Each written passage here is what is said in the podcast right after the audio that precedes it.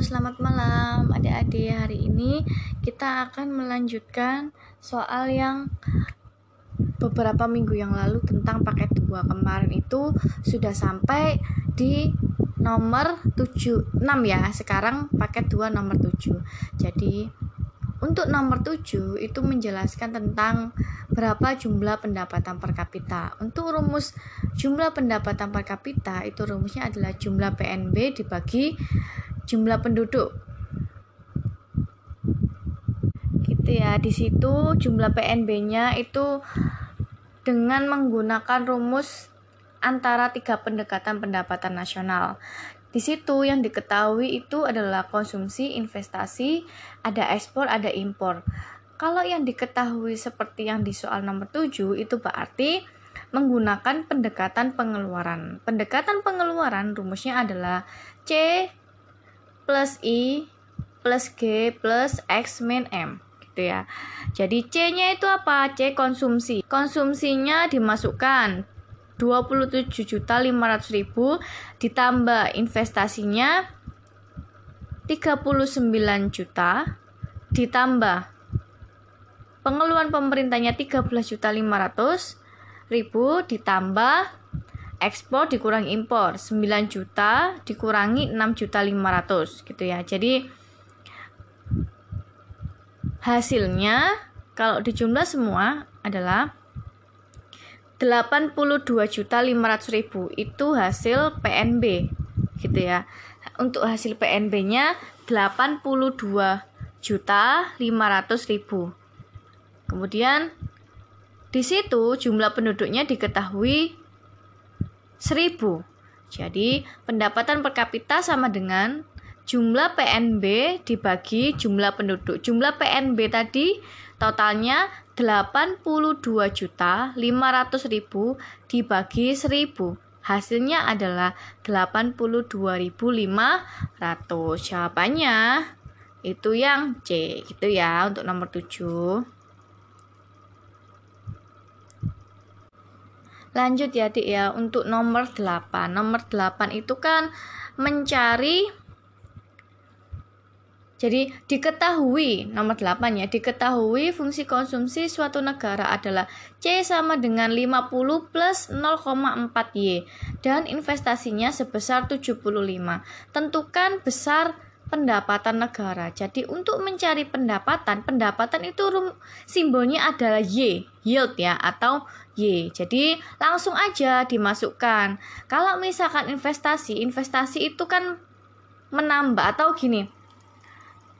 Uh, di rumus yang berhubungan dengan ada konsumsi, ada investasi, ada uh, pendapatan itu rumusnya Y sama dengan C plus I. Y dimasukkan Y sama dengan fungsi konsumsinya dimasukkan. Y sama dengan fungsi konsumsinya berapa tadi? 50 ditambah 0,4 Y. Ditambah 75 investasinya. Kemudian yang ada variabel Y nya dikelompokkan jadi satu. Jadi Y tadi kan plus 0,4 Y. Kalau berpindah ruas ke sebelah kiri berarti plus 0,4 Y nya plus jadi minus gitu ya. Jadi Y min 0,4Y sama dengan 50 ditambah 75. Jadi Y itu kan dianggap satu ya. 1 dikurangi 0,4Y hasilnya adalah 0,6Y. Sama dengan tadi 50 ditambah 75 hasilnya adalah 125. Y sama dengan 125 dibagi 0,6. Totalnya 208,3 atau dibulatkan 208. Jadi jawabannya nomor 8 adalah A gitu ya. Kemudian untuk nomor 9, nomor 9 itu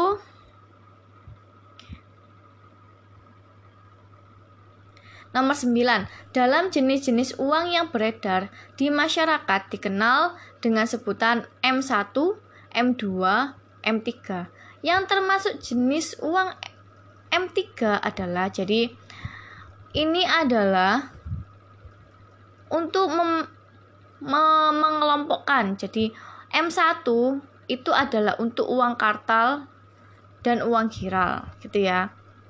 Kemudian untuk M2 itu Oh, ini pertanyaan M3 ya. Jadi M2 itu uang kuasi. Kemudian untuk M3 itu adalah deposito berjangka panjang. Jadi M3 itu jawabannya Nah, jawabannya M3 itu adalah M3 itu M2 plus deposito berjangka. M2 itu rinciannya adalah uang M1 plus uang kuasi. Jadi M3 itu gabungan dari M1, M2, M3.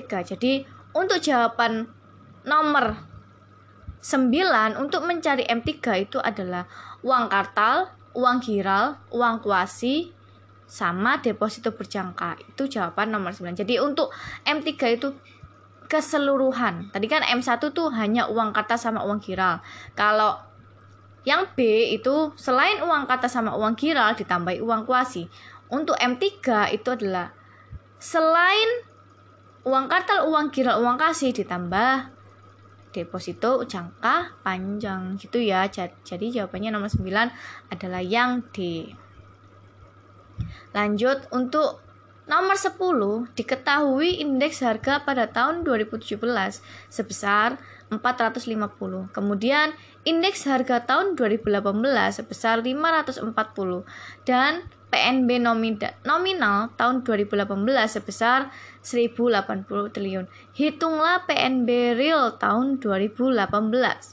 Untuk mencari PNB real ya, itu rumusnya adalah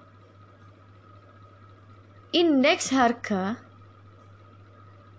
indeks harga 2017 dibagi indeks harga 2018. Jadi 450 dibagi 540 dikali PNB nominalnya berapa? Jadi uh, indeks harga tahun 2017 dibagi indeks harga tahun 2018 dikali PNB nominal.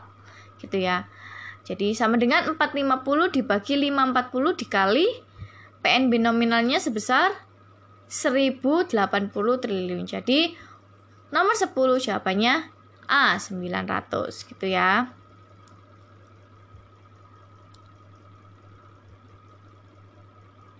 Lanjut ya, Dik ya.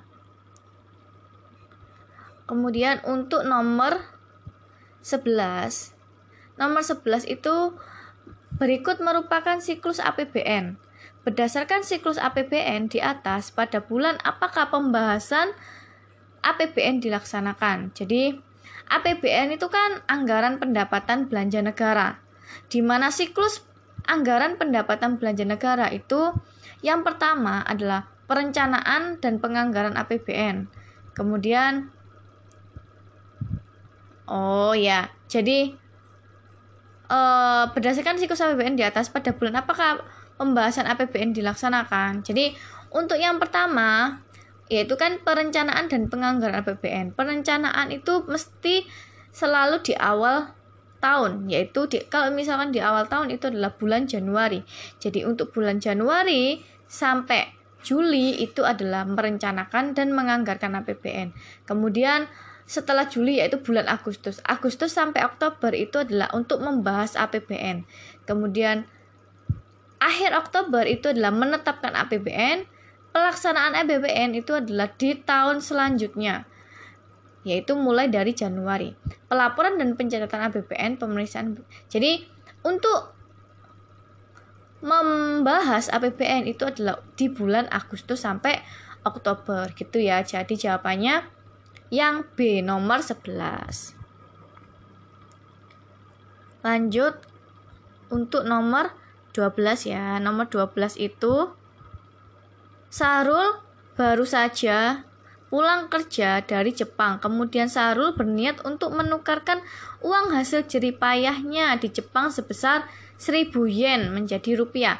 Hitunglah jumlah rupiah yang didapat Sarul. Jadi gini, di situ ada kurs beli dan kurs jual ya ada kurs beli dan kurs jual jadi uh, itu ada tiga negara Amerika Jepang Australia ya kan lah kemudian yang dipertanyakan itu adalah Jepang. Berarti nanti fokusnya adalah di tabel yang Jepang.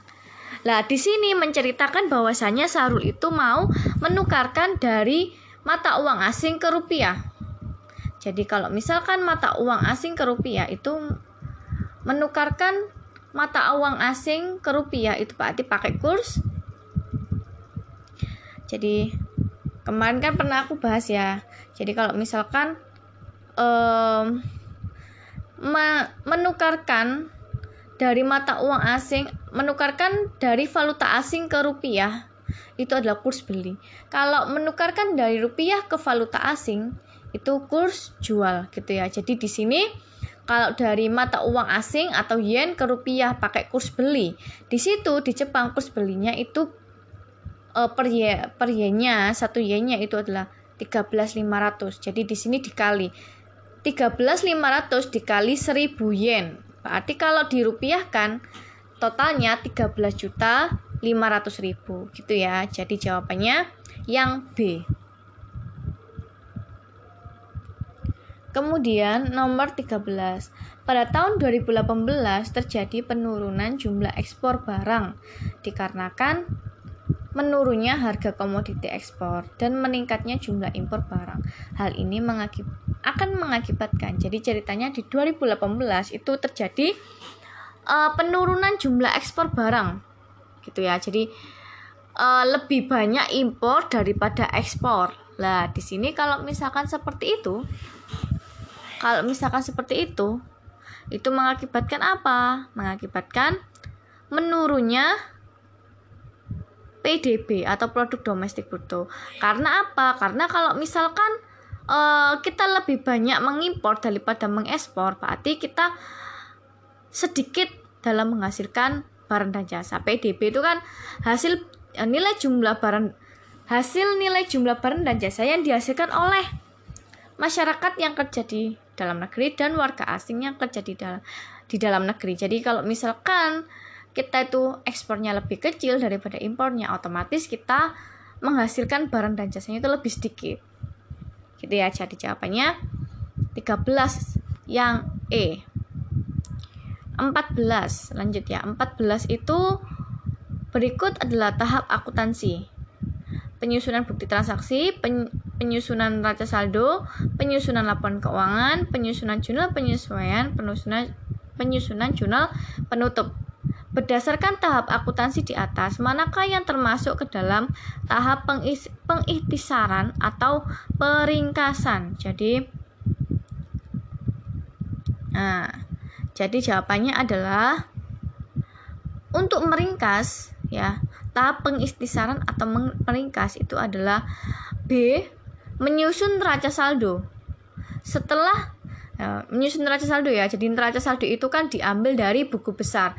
Jadi hasil akhir, jadi saldo akhir di buku besar tiap akun masuk di neraca saldo. Nah, setelah masuk di neraca saldo baru disesuaikan gitu ya. Masuk jurnal penyesuaian. Setelah jurnal penyesuaian baru jurnal penutup. Jadi jawabannya yang E. Kemudian lanjut nomor 15. Ibu Afifa memiliki sebuah usaha laundry Modal yang Ibu Afifa keluarkan 1 Oktober adalah 15.500.000. Laba per 31 Desember laba per 31 Oktober yang diperoleh Ibu Afifa sebesar 3.300. Tetapi karena Ibu Afifa harus membayar uang sekolah anaknya, maka Ibu Afifa mengambil uang sebesar 2.500 di usaha laundrynya. Hitung perubahan modal laundry Ibu Afifa. Jadi di sini adalah mencari modal akhir gitu ya. Di situ modal awalnya adalah 15.500, kemudian ada laba sebesar 3.300, kemudian ada preferred 2.500.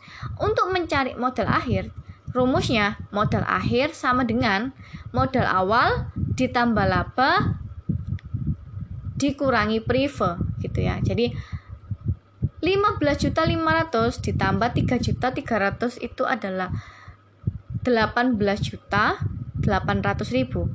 18 juta 800 ribu dikurangi 2 juta 500 hasilnya adalah 16 300 gitu ya. 16 juta 300 ribu. Jawabannya yang C. Kemudian lanjut nomor 16 telah dibayar piutang sebesar 20.300.000.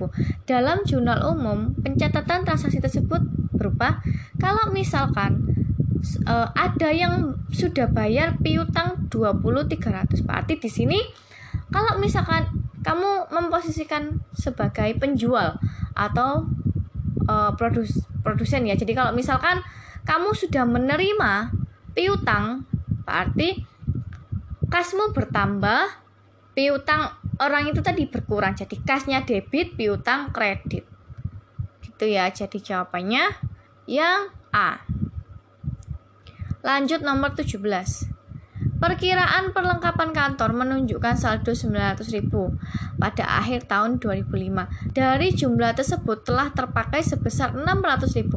Bagaimana pencatatan dalam jurnal penyesuaian? Jadi, kalau jurnal penyesuaian itu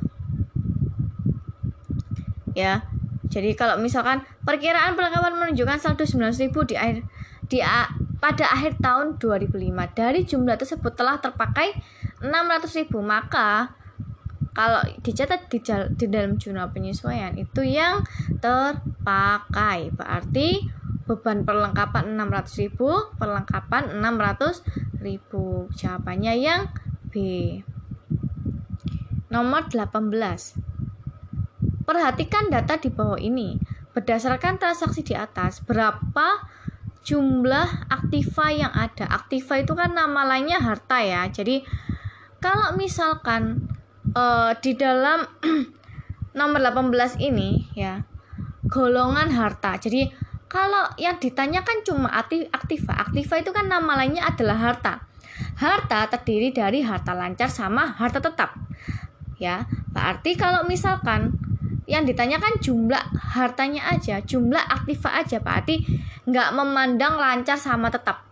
Jadi entah lancar entah tetap dijadikan satu, itu namanya adalah harta, gitu ya. Kalau misalnya kecuali kalau pertanyaannya e, berapa aktiva lancarnya, berarti yang dicari hanya harta lancar.